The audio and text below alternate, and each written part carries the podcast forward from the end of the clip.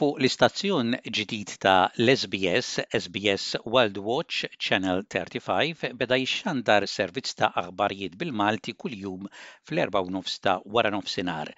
Din hija aħbar sabiħa għal komunità Maltija fl-Awstralja li kienet tistenna iż-żewġ bulettini ta' aħbarijiet li kienu jixxandru nar ta' ħattu nar ta' ħamis. Issa dan is-servizz ta' aħbarijiet mill-PBS jixxandar kuljum.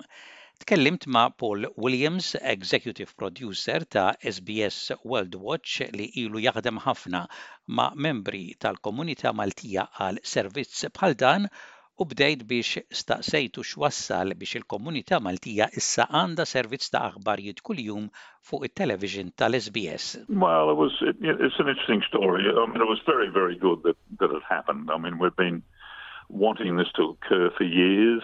There was a conversation, plenty of conversations between myself and Marissa Prevatiera for many, many, many years, along with the High Commission in Canberra, starting with Francis Tabone years and years ago, and more recently with Mario Farrugia Borg. Largely, it was about PBS Malta were making first in the early years one program that went to air on Sunday and then when the, I think the 2016 census showed that there was uh, a decline in the Maltese community numbers from the 2011 census, I think that your presence on radio shrank. Is that? That's, I think I'm correct in saying that. That yeah, you had fewer hours on air. That's the case. Yeah.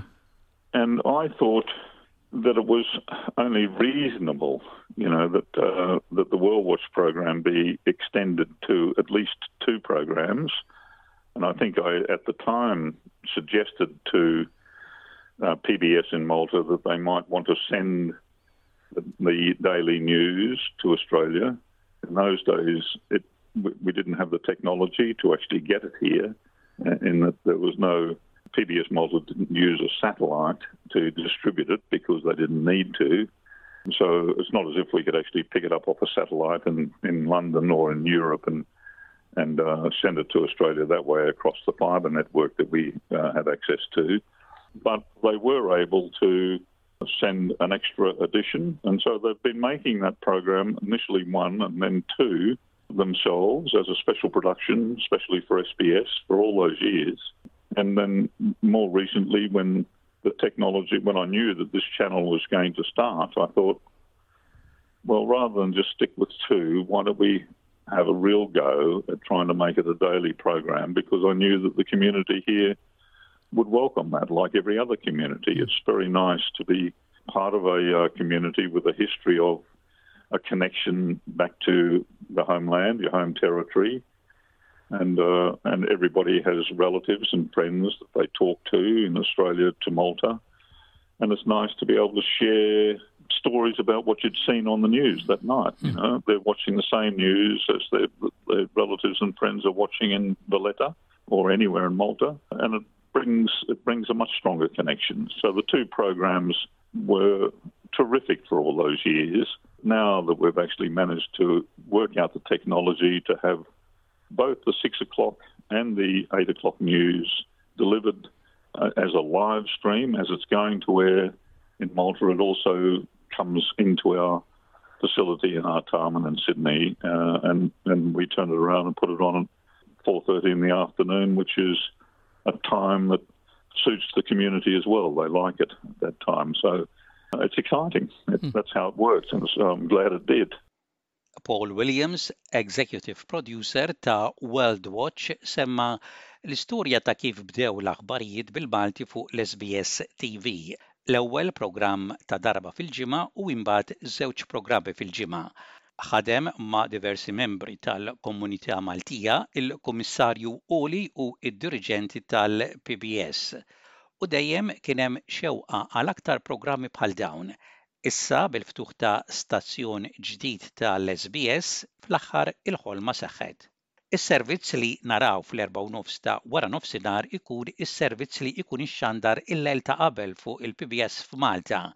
Għalhekk l-aħbarijiet ikunu friski l-aħħar aħbarijiet minn Malta. Yes, exactly. So it comes in here. It's the previous night. It, well, it, it at, you know, eight o'clock at, at night in Malta is uh, four o'clock in the morning here, so it, it's coming in at four o'clock between four and five. Mm. We uh, package it up and get it ready for transmission at, at uh, 4.30, but it also goes on, on demand in, as its full duration. So if, if the news lasts 56 minutes or if it goes for an hour and 10 minutes, the whole duration goes to on demand, so you can see the full bulletin there, and uh, a edited version for 30 minutes goes to air on television. And that would be the first 30 minutes of the news bulletin. Yeah, pretty much, except that uh, they do have a look at it, and they they always like to catch the closing good night comments. Mm. So you will get the the main news stories, of course, uh, but you'll also get the night, good night at the end. Paul Williams semma kif l-aħbarijiet li jaslu minn Malta ikunu ta' kważi sija. Il-bulettin sħiħ jitpoġġa fuq SBS On Demand u huma jieħdu bejn wieħed u ieħor l-ewwel nofsija li tixxandar fuq it-television. Staqsejtu imbagħad dwar il-problema li kienet tikkonfondi lil ħafna Maltin u li kienu jilmentaw ħafna dwara meta il-bulettin ta' aħbarijiet ma kienx jixxandar minħabba xi sport dirett li kien jixxandar minn floku. Issa fuq stazzjon ġdid dedikat għall-aħbarijiet dan ma jsirx. Well, wouldn't that isn't that a wonderful thing? uh, yes, it, it, it won't be interrupted by sport. So there is no sport will run on the SBS World Watch channel. Uh, so the uh, only thing that could possibly interrupt it is uh, is a failure of the technology to actually get it here, and uh, it'll be on as, uh, regularly every day, seven days a week, for years to come. And it's just the beginning of uh, what might happen, you know, because once you establish that sort of relationship, then any other content uh, becomes possible. You know that if there are movies or there or, or there are other programs that uh, that PBS Malta make that SBS are interested in. They talk to each other, see where it goes. You know? So it, I know that there has been a Maltese movie shown in Australia this year, and uh, I think that was wonderful. Uh, more of that is possible.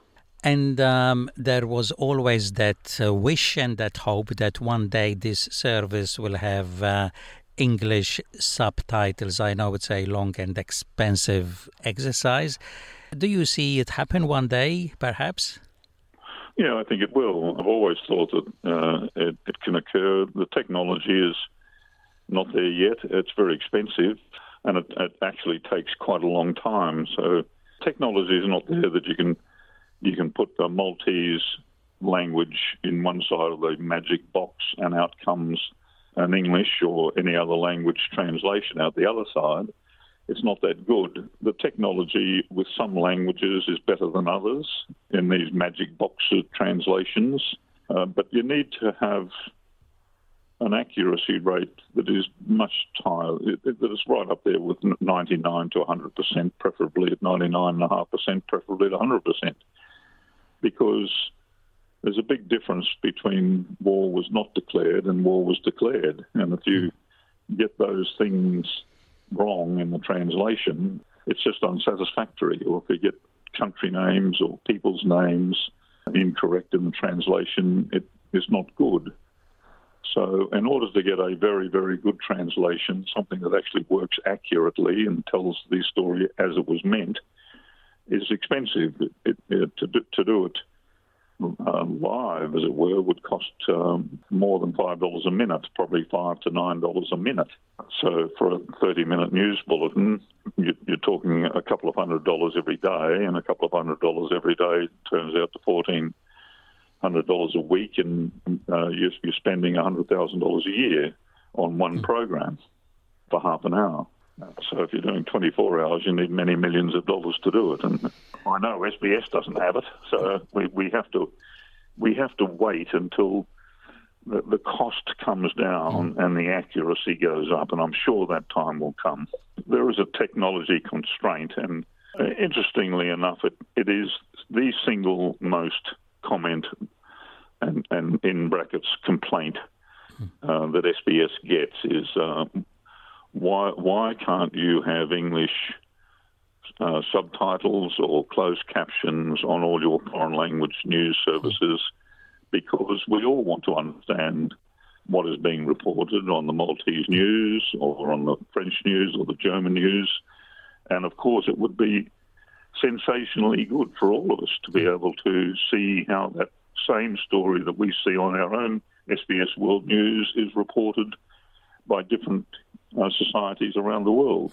Um, and it's the biggest complaint we have, but in the end, there is a technology hurdle that has to be overcome, uh, and it's just too expensive to do. But the day will come, I'm sure. Paul Williams semma li dan huwa il-bidu li jista' jwassal għal programmi oħra fuq it-television bħalma huma films u dokumentarji dwar is-subtitles tal-aħbarijiet, is-sottotitli, ħaġa li ħafna Maltin speċjalment tat-tieni u t-tielet ġenerazzjoni ilhom jistaqsu għalija. Paul Williams qal li għalissa mhux possibbli li jsir dan minħabba l-ispiża għolja biex isir xogħol bħal dan. Imma b'teknoloġija ġdida Paul jittama li dan isir ukoll. Dak kien Paul Williams, Executive Producer ta' SBS World Watch. Thank you.